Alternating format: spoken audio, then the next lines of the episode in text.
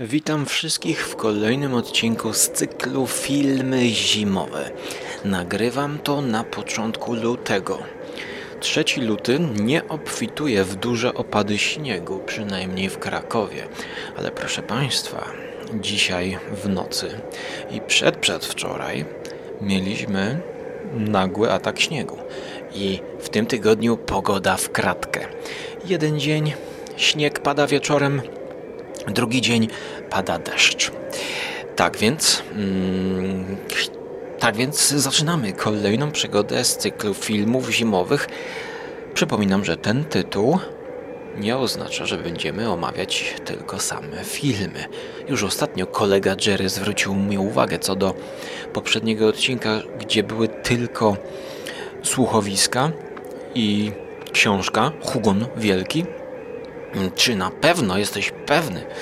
Tak, mm, ale właśnie wychodząc naprzeciw, e, dzisiaj będzie troszkę o filmie, jednak wszedłem w taki dryg słuchowiskowy, że będzie trochę o tych słuchowiskach. Ale żeby to sprytnie połączyć, zaczniemy od wzmianki o filmie mm, z lat 70. Zaczynamy zimową podróż. Pada śnieg, puszysty, biały, miękki.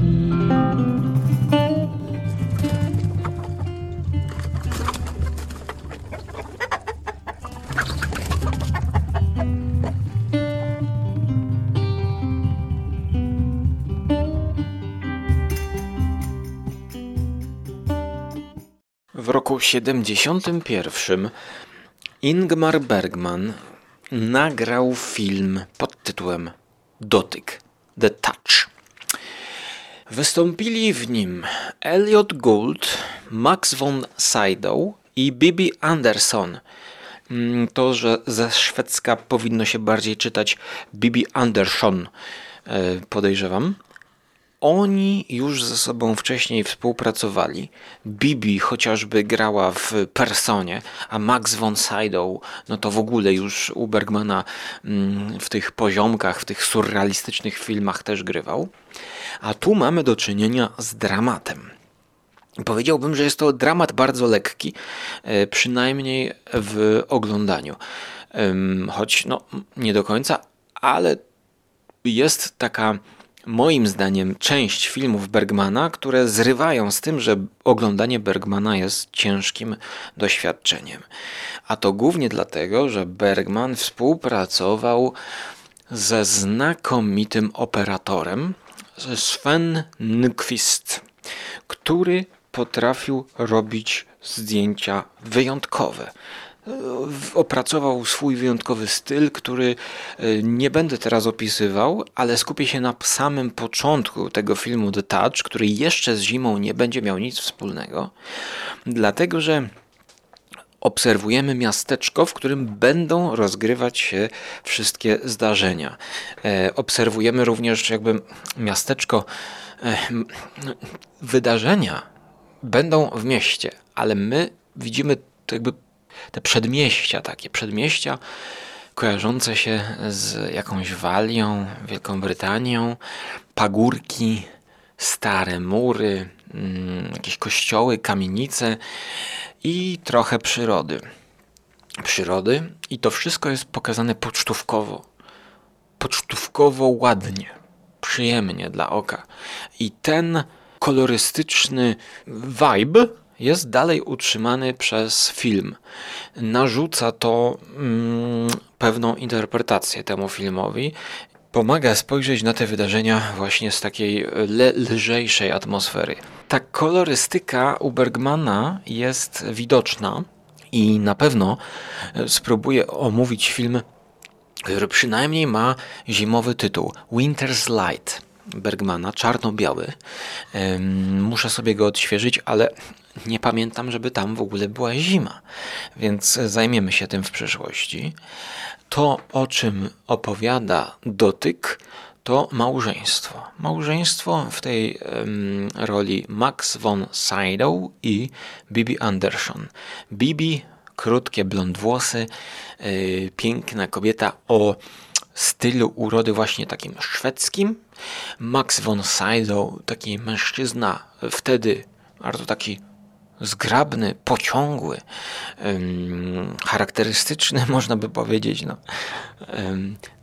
Kiedy aktor jest charakterystyczny?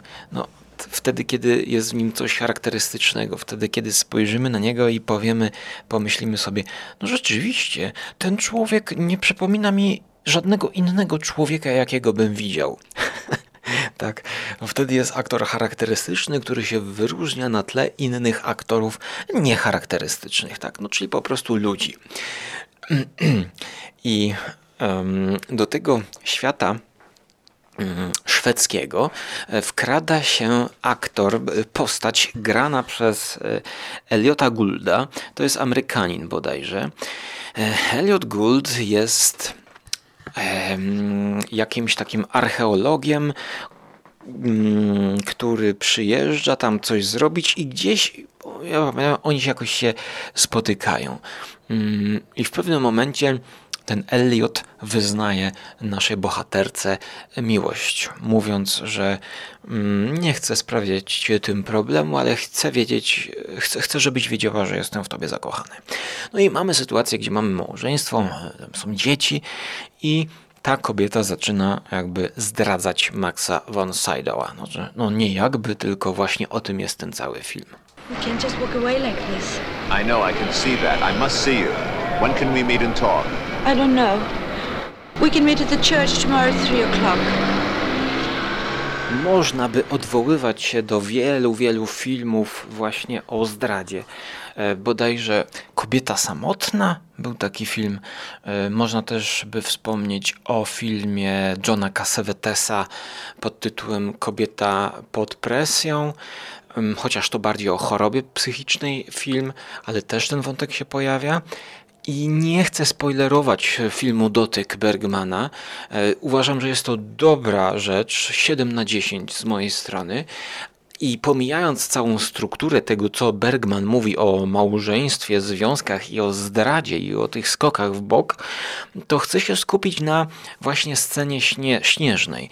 E, chcę powiedzieć Wam, że w tym prawie dwugodzinnym filmie jest moment, w którym przychodzi pe pewnego rodzaju, jak to nazwać, nie, hmm, jakieś takie wyciszenie tego romansu na boku, jakiś taki chłód przychodzi, a staje się to w momencie, kiedy ten archeolog musi wyjechać na pół roku z powrotem, e, chyba nie wiem, do Wielkiej Brytanii, albo, albo tak, właśnie do Wielkiej Brytanii. Tam będzie prowadził jakieś wykłady, będzie się czymś zajmował.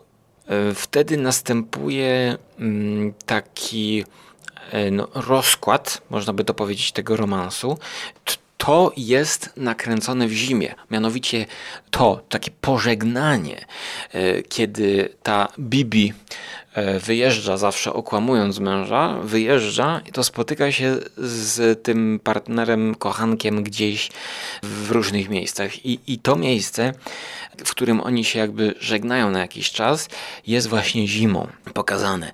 To jest przy jakimś kościele, czy przy jakichś ruinach, przy, przy czymś takim. Zima przychodzi i ta zima też będzie. Chociaż oni potem mają okazję też się spotkać, pomimo tego, że tamten wyjeżdża. No ale właśnie odkąd pojawia się tutaj zima, to jest to taki właśnie początek rozpadu tego romansu. Tutaj e, wcześniej również pojawiają się tego typu zagrywki Bergmana mm, na bazie scenariusza, ponieważ w ogóle cały film rozpoczyna się od tego, że matka głównej bohaterki Bibi e, umiera w szpitalu. I również można powiedzieć, że to też jest takie symboliczny po prostu e, początek rozpadu jej małżeństwa. Kuźwa, ale mnie ręka boli po szczepionce. No nie jestem w stanie się skupić. I to już długo mnie boli. E, I mnie zaczyna kłuć, no więc nie, nie wiem, a to już długo było trzecia dawka. Niepotrzebnie brałem tą trzecią dawkę, moim zdaniem. Ale wracając do tej zimy, to właściwie nic więcej na ten temat e, w kontekście dotyku Bergmana nie mam do powiedzenia, a zaplanowałem sobie to tak, żeby teraz płynnie przejść do innego, no, szwedzko brzmiącego artysty Ingmara Wilquista. Teraz kto to jest ten Ingmar Wilquist? Bo ja się kiedyś na to dałem nabrać. Teatr Polskiego Radia. Ingmar Wilkist.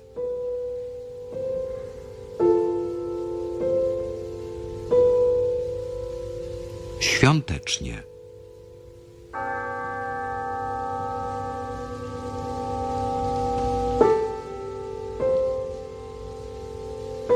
Stille Nacht. Cicha noc. Kiedy oglądałem jakiś teatr telewizji, jeszcze kiedy oglądałem telewizję na jakieś TVP2 albo czymś takim, otóż to nie jest żaden Szwed. A oglądając jakąś sztukę w telewizji na jego podstawie i w jego reżyserii, no, złapałem się na tym, że to jest tutaj jakiś taki szwedzki dryg. Okazuje się, że to jest e, Polak, który przyjął taki pseudonim, który jest to dramaturg, pisze dramaty, ale również odpowiada za reżyserię słuchowiska radiowego pod tytułem Świątecznie.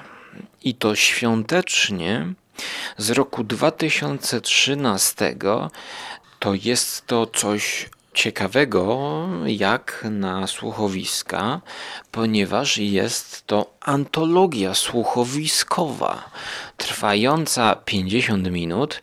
No i należałoby powiedzieć, że są to tak zwane trzy jednoaktówki. Jarosława Świerszcza, bo właśnie tak się nazywa oryginalnie Ingmar Wilquist, Wilquist pisany przez V i Q. Teatr Polskiego Radia przedstawił trzy jednoaktówki świąteczne Ingmara Wilkista. Stille Nacht, Cicha Noc, Święta Noc oraz Świąteczna Trzecia. To trzy jednoaktówki, które łączy temat Bożego Narodzenia i świąt. Trzy jednoaktówki, które wyemitowane były 26 grudnia oczywiście. Polski współczesny dramaturg tak to skonstruował, że ja zabierając się za słuchanie, nie wiedziałem, że ten materiał będzie ze sobą powiązany właśnie albo niepowiązany. Myślałem, że zabieram się do jednego długiego słuchowiska, tak jak wcześniej było e, już recenzowane długie słuchowisko Gość Wigilijny. Mm, I e, jakby nie wiedziałem, co się dzieje, bo mamy tutaj taką mozaikę postaci, jakby e, postaci i scenek, scenek osadzonych precyzyjnie w kontekście e, Wigilii, zimy, mrozu też.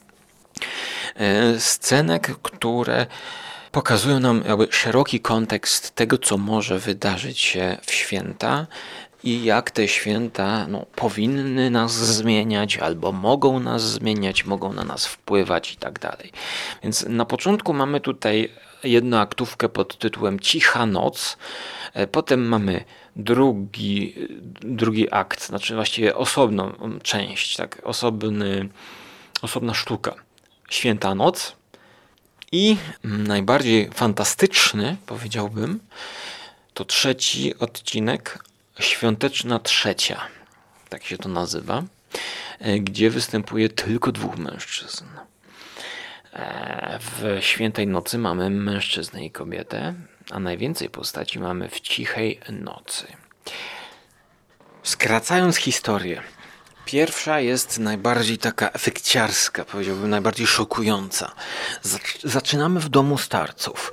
Długi korytarz w hospicjum świętego Alberta w Chorzowie mieście. Po obu stronach drzwi do pokoi pensjonariuszy. W końcu korytarza otwarte na całą szerokość drzwi do sali telewizyjnej. Widać zastawiony długi stół, wysoką, prawdziwą, kolorowo przybraną choinkę z migoczącymi lampkami. Za stołem siedzą pensjonariusze. Dwie pielęgniarki podają e, głównej bohaterce, starszej babci, tabletki nasenne. trzeba na plus y, właśnie mm, scenariuszowi dać, że nie wiemy od początku, co się wydarzy. Jeżeli kobiety podają mm, te tabletki nasenne, to my dopiero później dowiemy się z tych wydarzeń, którym będziemy się przysłuchiwać, po co to było, jaki był w tym cel. Więc napięcie jest nieźle stopniowane. Te pielęgniarki usypiają kobietę, aby potem ją obudzić i powiedzieć jej, że podczas jej snu rodzina ją odwiedziła. Opowiadają jej, jak to było, jak to byli ucieszeni, kiedy mogą ją widzieć. Opowiadają, że no widzieli, że babcia tak śpi smacznie, to nie chcieli jej budzić. Po pewnym czasie domyślamy się, że to wszystko jest kłamstwem, po to, aby nie dołować naszej bohaterki babci. Prosty pomysł i robi wrażenie. Zadając moralne pytanie o to, czy tak powinno się robić, utrzymywać ją w nieświadomości, czy to dobrze, czy źle, no a poza tym mm, widzimy sam ten smutny wizerunek człowieka umierającego samotnie, czy chorującego gdzieś w szpitalu. I kiedy zaczęła się druga część e, tego słuchowiska, to myślałem, że mamy do czynienia z rodziną właśnie z tego pierwszego słuchowiska, z tej pierwszej części. Mm, Czyli miałem takie odczucie, że mamy, że widzimy teraz tą rodzinę, która nie przyjechała odwiedzić tej e, osoby e, w szpitalu. Może pani się położy teraz, odpocznie. Siedzi pani tu u siebie tyle czasu. Tu muszę być. A ryby siostra odłożyła dla mnie. Cztery kawałki poprosiłabym. Mam przygotowane. W pięć minut odgrzeję. A, a, a te ziemniaki to żeby się nie przypaliły. Może się chociaż pani ciepłej herbaty napije. Przyniosę zaraz. No i kompot, siostro. Z suszu. Będzie dobrze. Bierze z metalowej tacki szklany pojemnik z rozgniecioną i rozpuszczoną w wodzie niebieską tabletką. Będę teraz jeszcze roznosić wszystkim tabletki. Rozgniotłam tabletkę jak zawsze. Dla pani. Tak jak pani lubi. No, pani Trudo. Niech pani szybciutko wypije, dobrze? Dobrze, siostro. Uświadomiłem sobie, że my do końca nie wiemy, czy ta rodzina w ogóle jeszcze żyje, tak? Bo mm, być może co roku trwa takie, takie okłamywanie babci przez pielęgniarki, żeby nie było jej smutno, że nie przyjechali na święta odwiedzić ją najbliżsi.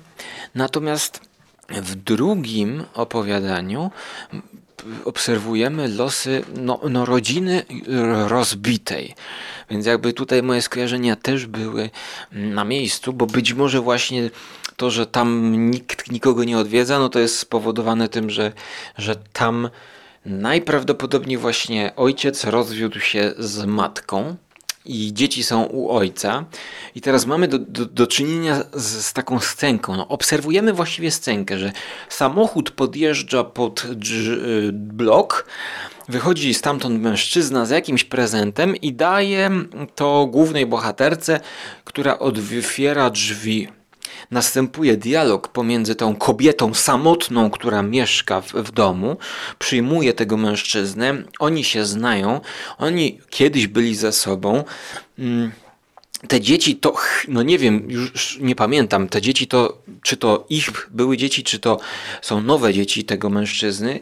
Mężczyzna daje jakiś prezent, i mamy rozmowę. I, i, I ta rozmowa jest znakomicie odegrana przez aktorów, moim zdaniem. E, Wymienimy e, te, te, te nazwiska, czyli Andrzej Mastalerz i Magdalena Kuta. W drzwiach staje mężczyzna w czerwonej puchowej kurtce. W ręce trzyma plastikową siatkę, na której wydrukowany jest wielki święty Mikołaj jadący na sankach ciągnionych przez dwa renifery w ogromnych czapkach uszankach. Mogę wejść? Nie. Proszę, pozwól mi. Nie, mam gości. Tak po ciemku? Po ciemku. Wejdę tylko na chwilę. Na chwilę. No to wejdź, proszę.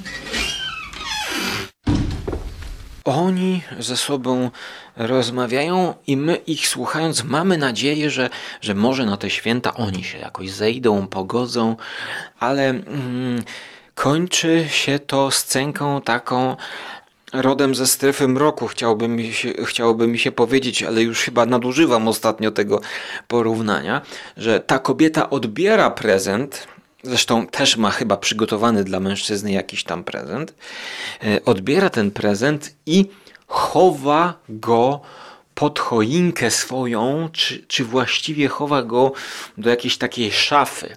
I widzimy, że ta szafa po otwarciu jest pełna tych prezentów. I na koniec jeszcze ten prezent zostaje podpisany rocznikiem i położony wśród wszystkich poprzednich roczników z poprzednich lat nieotwartych prezentów. Po zamknięciu tej szafy czy kufra, już nie pamiętam co to było, kobieta jakby spokojniejsza, zasiada na wersalce i kładzie się położyć spać, aby przespać te, te święta. Muszę wam powiedzieć, że to jest kolejny, no, totalnie miażdżący pod kątem rozegrania aktorskiego, pod kątem pomysłu prostej scenki e, i, i w formie słuchowiska to się świetnie sprawdza. Rewelacyjny segment, rewelacyjny. No to wszedłeś, słucham. Ja przyszedłem, bo chciałem ci... No słucham. Nie ruszaj mi się, cały dzień sprzątałam. Zdejmę buty. Nie, mówię, nie ruszaj się. Chciałem ci tylko... No to wejdźże do pokoju i mów. Nabrudziłeś, posprzątałam. Jak zawsze, to teraz wejdź i mów, słucham. Mogę zapalić światło? Prawie cię nie widzę. Teraz mnie widzisz? Wszędzie mam pozapalać światła, żebyś lepiej mnie zobaczył? No i co, zadowolony? I to, co możemy zrobić tutaj dygresję, no zima, zima, no, za mało wam zimy, ta zima tu jest wszędzie, słuchajcie, i w pierwszym, i w drugim słuchowisku. Ale zrobię dygresję na temat formuły słuchowiska y, i audiobooka. Otóż, no właśnie, ta formuła jest oczywiście płynna. Manitu. Czy to jest audiobook, czy to jest słuchowisko? Mówię teraz o tym Manitu na podstawie Mastertona ostatnim, którego mnie się słuchało wybornie. Audiobook powiedziałbym. E, audiobook, e, który w dzisiejszym mm, wykonaniu mm, pozostawia e, takie kwiatki jak powiedział hej, hej, Manitu, uciekaj stąd! Sapnął. Wszystko jest, jest to powtarzanie. Natomiast dlaczego ja o tym wspominam? Dlatego, że mm, w tym drugim segmencie Wilkwista pod tytułem Świątecznie mamy scenę, w której wchodzi narrator i w tym słuchowisku słyszymy tylko narratora i tylko muzyczkę i ten narrator nam opowiada to, co y, się dzieje tak jakby.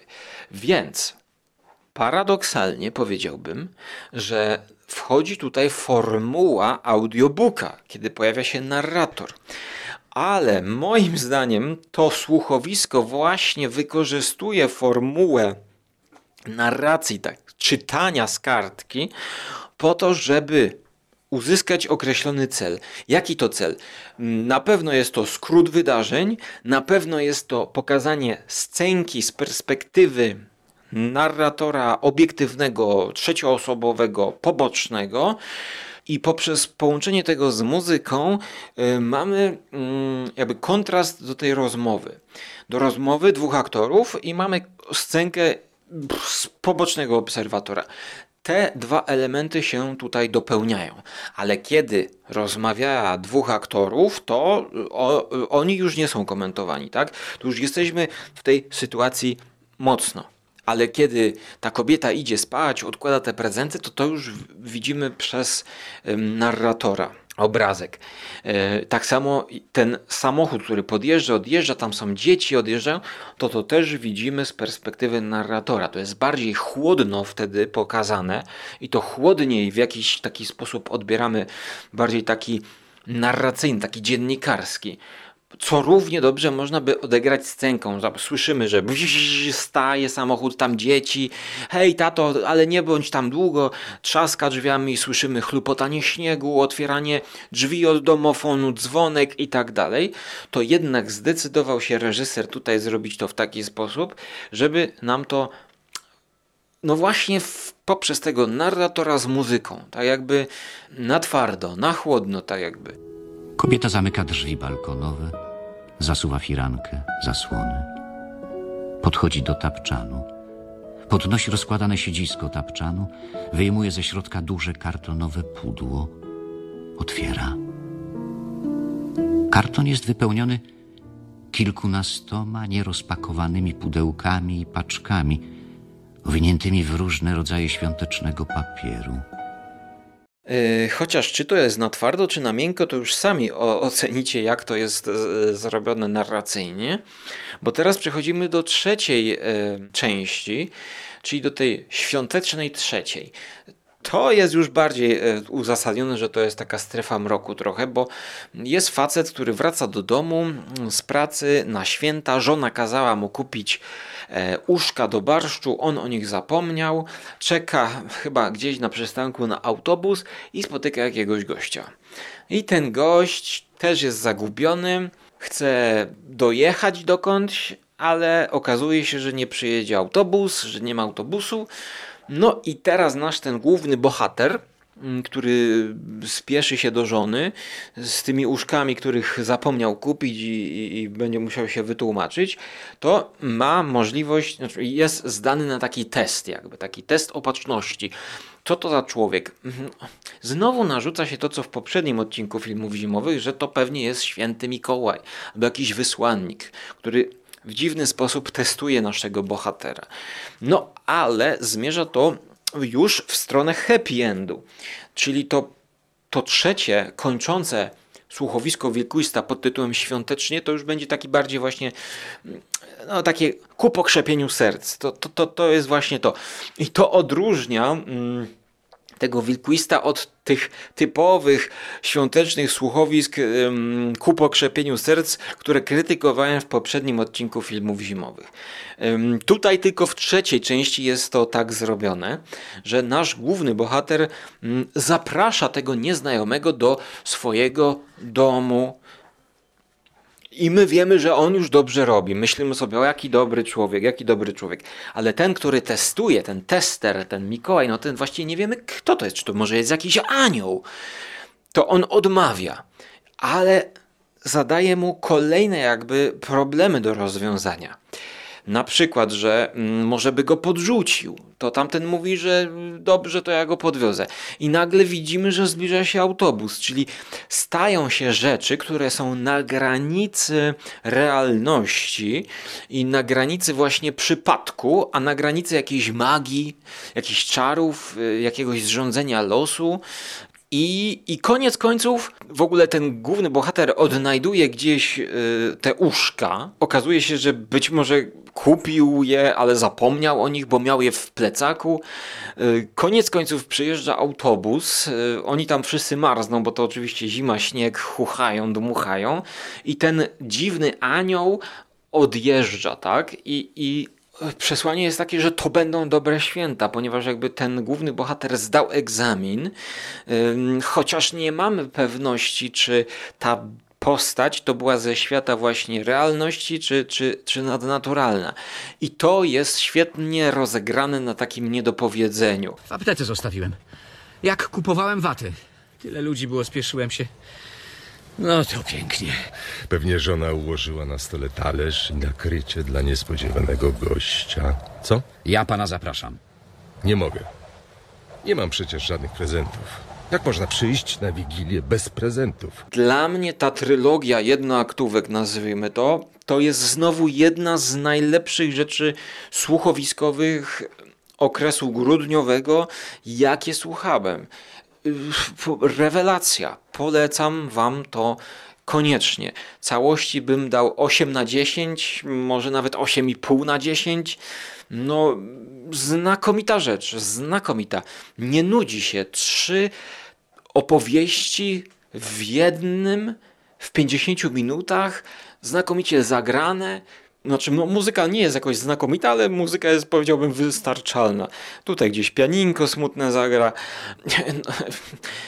Musicie tego posłuchać. Musicie tego posłuchać, aczkolwiek przy pierwszym i drugim możecie się zdołować. Więc słuchanie tego w okresie luty, marzec, kiedy jest jakaś chlupa i ten śnieg jeszcze się utrzymuje poza świętami, to może jest naprawdę dobre wyjście, żeby sobie takiego klimatu nie wciskać mm, w grudniu, kiedy, kiedy sami chcemy się na święta weselić. Ale na pewno warto się temu przyjrzeć. Wystąpili Elżbieta Kępińska, Dorota Landowska, Magdalena Kuta, Andrzej Mastalerz, Marcin Troński. Opracowanie muzyczne Tomasz Obertyn.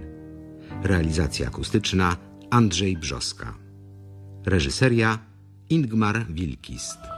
Zanim przejdę do e, jeszcze jednego słuchowiska, e, to mm, zrobimy przerwę na zimowy wiersz. Dzisiaj tak z wysokiego C, aczkolwiek nie do końca, ponieważ trzymam w ręku dużą gazetę. To naprawdę wydaje dół głośne dźwięki. Mianowicie przekrój. Y, Kupowałem przekrój tylko edycję zimową. W moim ręku 2019 rok, y, czyli numer 3564 dokładnie. Mm, Numer pierwszy w roku 19. Na okładce e, mój ulubiony Lengren Zbigniew, e, który jest twórcą profesora Filutka komiksów. I również tekst o Lengrenie tutaj jest i różne zimowe wstawki, dlatego kupowałem ten przekrój e, aż do momentu, kiedy zmniejszył rozmiar. Teraz w ogóle przekrój kosztuje już 38 zł, a nie 20 zł i to, to już jest przegięcie, więc już sobie dałem spokój. Tym bardziej, że w tym ostatnim przekroju nie było, no, edycja zimowa zimy nie było. Ten, co jest taki dyrygent na okładce, więc, więc tego nie kupiłem. Ale tutaj mamy yy, komiks liryczny yy, na podstawie wiersza. Na stronie 31 mamy komiks liryczny Joanny Łańcuckiej yy, bez żadnych słów. Ale jest to ekranizacja właśnie wiersza Andrzeja Kotańskiego, e, który studiował na uniwersytecie, powrócił do literatury w roku 2011, opublikował dwa tomy wierszy w 94, w 92 oraz jeden dramat. Ogólnie rzecz biorąc, ten wiersz mi się nie podoba, ale mm, mamy tu ciekawą formę gazetową, bo pod wierszem mamy komentarz autora, który tłumaczy swój wiersz. Plus ekranizacja komiksowa tego wiersza. I ta ekranizacja komiksowa to jest komiks zimowy. I ten komiks zimowy zaczyna się od takiej sceny, jak ktoś ogląda się przez drzwi, wygląda za jakiejś zasłony i następnie widzimy ujęcie jakby podwórka, zaśnieżonego podwórka, śladów od kół samochodowych i które się krzyżują ze śladami bucików w śniegu, jakąś parkę, która idzie. Następnie jest obrazek jakiegoś dymiącego miasta, potem skwer w parku, który jest zaśnieżony i ten skwer łączy się znowu ze słońcem, a to słońce łączy się z ostatnią sceną słońca nad jeziorem albo rzeką, w której ludzie pływają, bo jest już lato. Tak więc Zima uczy miłości. Nazywa się ów wiersz. No to lecimy. Mam nadzieję, że to wytrzymacie. Najlepiej mają ci, co umierają na początku zimy. Potem nie muszą już wykopywać samochodów spod śniegu przez całe rano, odskrobywać okien i wycieraczek w trzaskającym mrozie, ani stać w korkach codziennie przez wiele godzin. Ci, którzy żyją, muszą tylko nauczyć się kochać wszystko, co jest. Potem, gdy się nauczą, mają tak samo dobrze jak ci umarli, bo ta zima wcale im już nie przeszkadza. No i może ja nie będę komentował tego wiersza, tylko zrobi to autor. Od zawsze bardzo nie lubiłem zimy oraz wszystkiego, co ma mniej niż 0 stopni. Może z wyjątkiem kostek lodu w szklance whisky. Tę moją niechęć zacząłem kiedyś postrzegać jako okazję do rozwoju. Bo po co miałbym czegokolwiek nie lubić, gdy zamiast tego mógłbym to polubić i byłoby mi dużo przyjemniej dzięki temu. Tak trafiłem na metodę Wima Hofa, propagującą kąpiele w wodzie z lodem. Pierwszy trening mam już za sobą i polecam. Trzeba kochać, a nie się wzdragać. No i trzeba przyznać, że jest to bardzo dobre e, przesłanie, e, które ja tutaj teraz zastosuję do y, zarówno jakby przyznania racji, powiedzmy, i polemiki z tym autorem, e, podając kolejne słuchowisko. Otóż mieliśmy kuzyna, m, teraz już niestety nie żyje, którego próbowaliśmy nauczyć na nartach jeździć. E, Ponieważ my jeździliśmy na nartach, to było, dajmy na to jakieś 10 lat temu, tak na oko, razy drzwiczki i wyciągnęliśmy go na e, szczyt góry, no tak, górki. Chyba to była Wisła, Soszów, albo to było coś w Zakopcu, albo w Karpaczu. Nie pamiętam. W każdym razie kupił narty, dobry sprzęt. Em, przekonaliśmy go, byliśmy ucieszeni, że będziemy razem jeździć. Wyjechał nartami na stok założył, znaczy e, wyciągiem wyjechał, założył narty na nogi i jak poczuł, że grunt pod nogami zaczyna mu uciekać, to po prostu zaczął się przewracać i się wystraszył, łamany przez zniechęcił, mm, mówiąc, że to nie jest dla niego. No, I to była najszybsza rezygnacja z narty, jaką ja kiedykolwiek w życiu widziałem. To, to było instant, po prostu no way. Dziękuję, do widzenia. No, po- po prostu no, nie było żadnej dyskusji, słuchajcie, no nie, nie było w ogóle polemiki, nie, nie, nie, nie, to nie dla mnie, tak? Jakby mm, to, to, to zsuwanie się było tak jakby no niepokojące być może e, na nartach, że, mm, że podziękował. Natomiast e, miałem ostatnio z kimś rozmowę, już nie pamiętam kto to był, nieważne, e, gdzie ja mu mm, zapytałem kogoś, czy jeździ na nartach i ten ktoś powiedział, że nie lubi, albo nie jeździ, albo nie chce się nauczyć jeździć i wytoczyła, zaczęła się rozmowa właśnie z mojej perspektywy, jakby też nie na, nawiązująca do tego wiersza, do tego przesłania, że dopiero jak się czegoś nauczysz, to możesz ocenić, czy to polubisz. No, no jak można ocenić, czy się lubi jeździć na nartach, skoro się jeszcze nie zjechało chociażby, tak?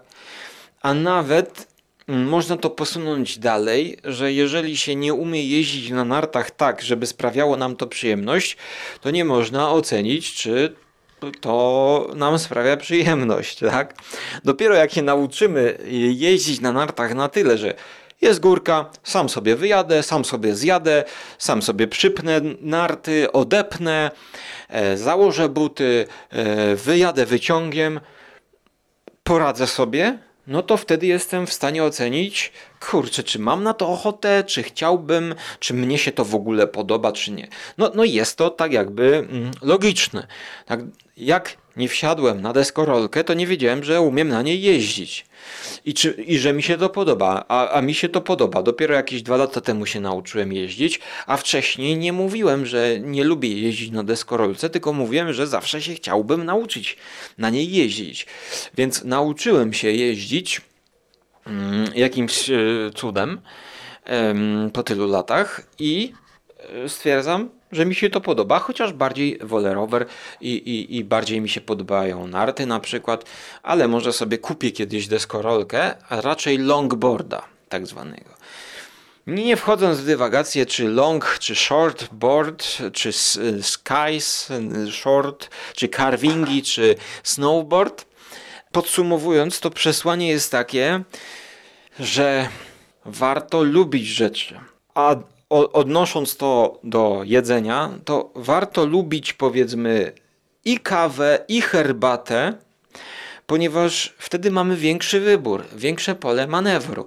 Jeżeli odwiedzimy na przykład kolegę Huberta, to raczej on nas poczęstuje kawą i wtedy możemy się w niej rozsmakować. Więc zgadzam się tutaj z tym e, Andrzejem, autorem wiersza, że właśnie warto lubić. Warto lubić więcej rzeczy. Warto lubić więcej dziedzin życia, więcej aktywności, powiedzmy, życiowych, tak? No, ale teraz przechodzę do tej polemiki, bo sam zastanawiam się, gdzie jest ta granica. Ta granica przesady, ta bariera, której raczej już przekraczać nie powinno się albo nie chcemy. Wiadomo, że to może być płynne dla każdego coś innego, ale mamy tutaj wśród słuchaczy jednego patrona. E, Notabene mm, zapraszam i e, proszę o rozważenie wsparcia audycji Skóry i mojej skromnej osoby na serwisie patronite.pl e, łamane przez audycja z Kury.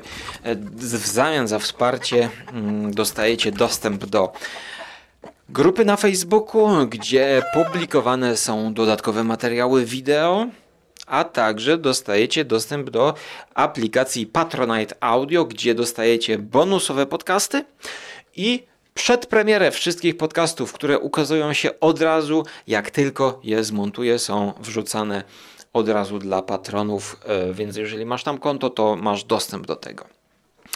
I gdzie jest ta granica? Bo jeden z naszych patronów, słuchaczy, wspina się po górach. E, publikuje zdjęcia swoje z gór, które są e, no, przepiękne, oblodzone, zaśnieżone. No ale jak ja na to spojrzę, to z moją vertigo, lęk e, wysokości, to no, z jednej strony zawsze chciałem się nauczyć takiej wspinaczki, powiedzmy po ściankach, po ścianie, e, tylko żeby to było bezpieczne na tyle, że mam asekurację w postaci, no nie wiem, siedmiu lin, tak, że jak się jedna zerwie, druga, trzecia, czwarta, to jeszcze ta piąta i szósta mnie będzie e, asekurować, lina, więc nawet jak odpadnę, to też ktoś będzie trzymał tam, to tak, no i z chęcią bym pochodził, pospacerował, powiedzmy, ale jeżeli już mowa o takich górach, jak w Mission Impossible Tom Cruise zwisa tam z tej ścianki i ta linka jest jedna i nawet może bez tej linki się niektórzy wspinają, e, tak jak to robią na przykład na budynki ludzie wchodzą, no to teraz polemika byłaby taka, że no przecież to jest też wspaniałe i dopóki się nie nauczysz tak wspinać i no może nie na Mariota wejdziesz, ale albo na wieżę Eiffla, ale na swój blok, tak? Wystarczy wejść przez okno do swojego domu, idąc po ścianie z blokowiska. No to nie możesz powiedzieć, że to ci się nie podoba, tak? Dlatego, owszem, no warto byłoby się nauczyć być Spider-Manem, e, ale gdzie jest ta granica? Zastanawiam się. I na dowód tego, że ja nie wiem, gdzie jest ta granica e, i że nawet nie mogę tej granicy jakby świadomie rozciągnąć i, i zastanawiam się jeszcze, od czego to zależy. Od czego to zależy, m, bo przykład narciarski to jest taki, że mój tata mi to właśnie powtarzał. Dopóki się nie nauczę jeździć na nartach, to nie będę mógł się wypowiedzieć w tym temacie. I rzeczywiście były, było cierpienie. Nawet była złamana noga w gipsie na nartach. E, ale potem okazało się, że jak już się nauczyłem jeździć na tyle, to, że to polubiłem bardzo.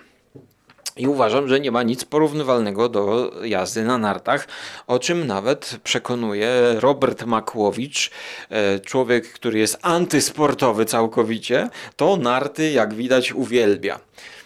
Co można zobaczyć na jednym z jego ostatnich odcinków, bodajże z Tyrolu, nakręconych jak się cieszy i jeździ na nartach. Boże święty, jak ja o tym marzyłem. Zeszły rok, przeklęty rok, pierwszy rok od chyba 40 lat, kiedy to nie byłem w ogóle ani razu na nartach. A teraz jestem, Kronplac, kolejka.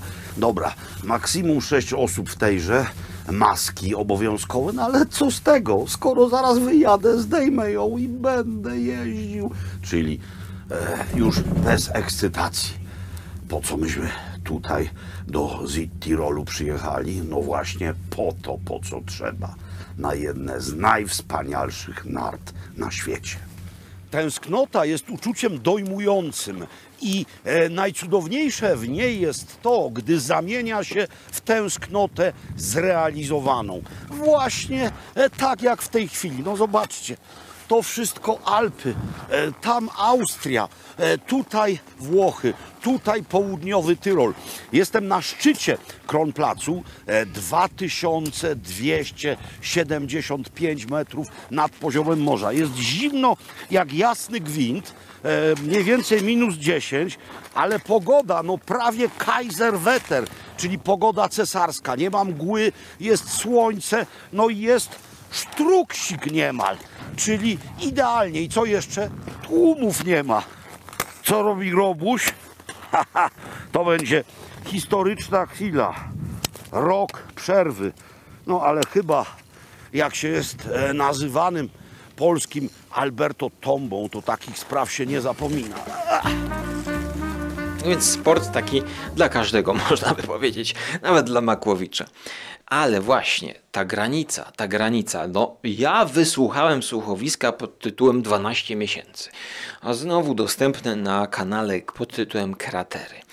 No i wypadałoby powiedzieć, że powinienem polubić to słuchowisko, żeby więcej rzeczy mi się podobało, więcej sprawiało mi przyjemności. No i tu jest właśnie ten problem. E, nie jesteśmy w stanie polubić wszystkich płyt muzycznych, wszystkich filmów i tak dalej. No ale może warto byłoby to podzielić na jakieś kategorie. Ja lubię horror, no to może też powinienem polubić komedię, e, obyczaj, e, dokumentalne filmy. No, bo nie mówię tutaj o tym, żeby mu, każdy dokumentalny film kochać. Ale teraz zależy, jak my to będziemy szufladkować i dzielić, tak? No bo raczej każdy znajdzie jakiś dokument, który lubi, tak? Ale mm, to ja mogę powiedzieć i odbić piłeczkę, mówiąc, że no ale przecież jazda na nartach i wspinanie, wspinanie to jest sport. To wystarczy, że ja w tej kategorii sport polubię mm, rower i e, trucht. Będę biegał sobie wokół Wisły i no, może wokół Wisły to ciężko, ale wokół e, Pogori, jeziorko jakieś powiedzmy, to jest to sport. No, nie mogę lubić wszystkich sportów. No i teraz w zależności jak to będziemy kategoryzować, na przykład przy jedzeniu to ciasta, no nie lubię ciast, wiesz, takie za słodkie, mdłe to cholernie, tortów to już w ogóle nie mówiąc. No ale kiedyś moja babcia robiła takie ciasto, które nie było słodkie. No to jednak lubisz ciasta, tak? No bo popróbowałeś więcej tych ciast i spróbowałeś znaleźć w kategorii ciasta coś, co tobie odpowiada. Hmm. No właśnie, w kategorii słuchowiska 12 miesięcy mnie nie odpowiada. 12 miesięcy. To historia dziewczyny, która zostaje wyrzucona z domu. To jest taki klimat baśniowy. I lubczyk mu dawałaś, choć on o tym ani wiedział. I o północy kurę czarną zakopałaś pod jego płotem i nic. To wszystko przez nią. Przez Maryśkę. Tak, tak. Trzeba wysłać ją daleko w głąb lasu, tak żeby do domu nie wróciła. Macocha jakaś mieszka z dwoma dziewczynami, córkami. Do tego jeszcze jest mężczyzna, który się oświadcza tej niewłaściwej i macocha bodajże niedobra wyrzuca tę dziewczynkę z domu zimą, zimą ją wyrzuca, każąc jej przynieść bodajże e, poziomki. Oczywiście jest to zadanie niewykonalne zimą, więc chyba chce po prostu zamordować swoją córkę, bo woli, aby ta druga córka ożeniła się z tym mężczyzną, który notabene oświadczył się tamtej córce, której się macosze nie podobało. No i ta córka biedna zimą, zimą chodząc pewnie bosymi stópkami po mroźnym śniegu, szuka tych poziomek i co znajduje? Tytułowych 12 miesięcy.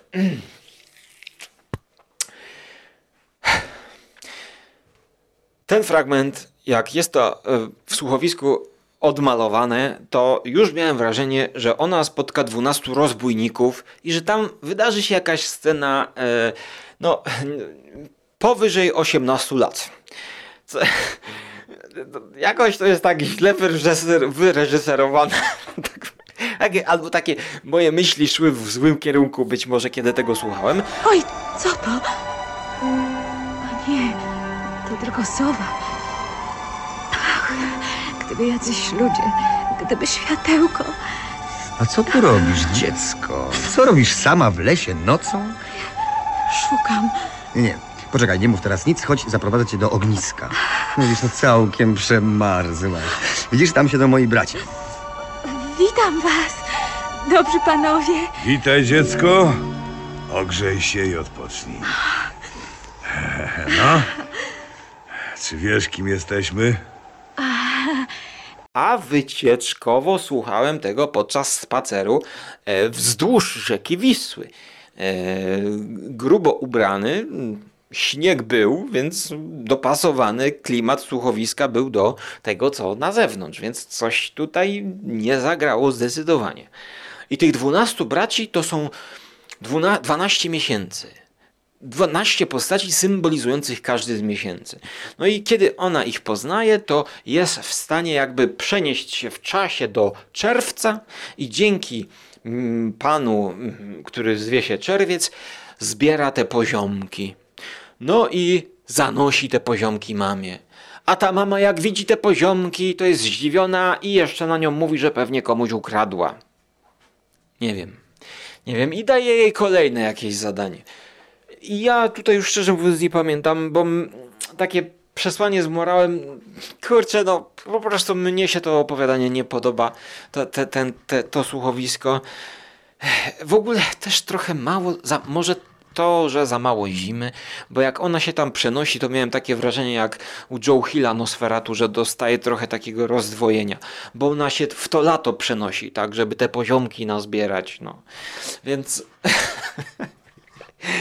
ja chyba mam umysł prosty. Jeżeli jest zima, to muszę czytać, oglądać, jak jest, że jest śnieg. Jak jest lato, to wtedy filmy wakacyjne. Ja jestem prosty człowiek, proste przyjemności, tak? A który z nas najbardziej ci się podoba? No, no, no. Wszyscy mi się podobacie. O, i ten, który kwiaty trzyma w dłoni. O, i ten, któremu pszczółki nad głową brzęczą. A, i ten, co lodowatymi soplami pobrzękuje. E, No i na koniec właśnie życzę wam, żebyście znajdowali w życiu jak najwięcej przyjemności. O tutaj teraz na stole widzę miód. To miód, polubcie miód. Jak nie lubicie miodu, to poszukajcie miodu, który polubicie. Może gryczany, bardzo taki twardy, ostry, goryczkowy wręcz, a może lekki, akacjowy, albo leśny, albo spadziowy. No najlepszy miód moim zdaniem spadziowy i glasty miód polski. To se kupcie. A jeszcze lepszy jest miód wrzosowy. Tylko przed zimą, na, na jesień jakoś tak, wrzesień, październik, wrzosy kwitną. Jest go bardzo mało i on jest takiej konsystencji galaretkowatej. Se zjedzcie taki miód i poczujecie wrzosowy vibe, aż będzie wam się chciało otworzyć jakąś powieść e, Conana Doyle'a e, i na przykład ponownie spotkać bestię Baskervillów. Ja kończę dzisiejsze spotkanie z filmami zimowymi. Trzymajcie się zimno, no i do usłyszenia w przyszłości, bądź do zobaczenia na Żarłok TV. Cześć! No, już dość tego. Bracie Styczniu, wracaj na swoje miejsce. Żegnajcie! Żegnajcie. Żegnajcie! I dzięki wam za pomoc. I za wspaniałe dary! Dla wszystkich one będą, nie tylko dla nas! A wy, mili goście, weselcie się, siadajcie do jadła, do napoju i do piosenek. Co to za wesele bez weselnej piosenki? Kapela, grać! Państwo młodzi zapraszają stany!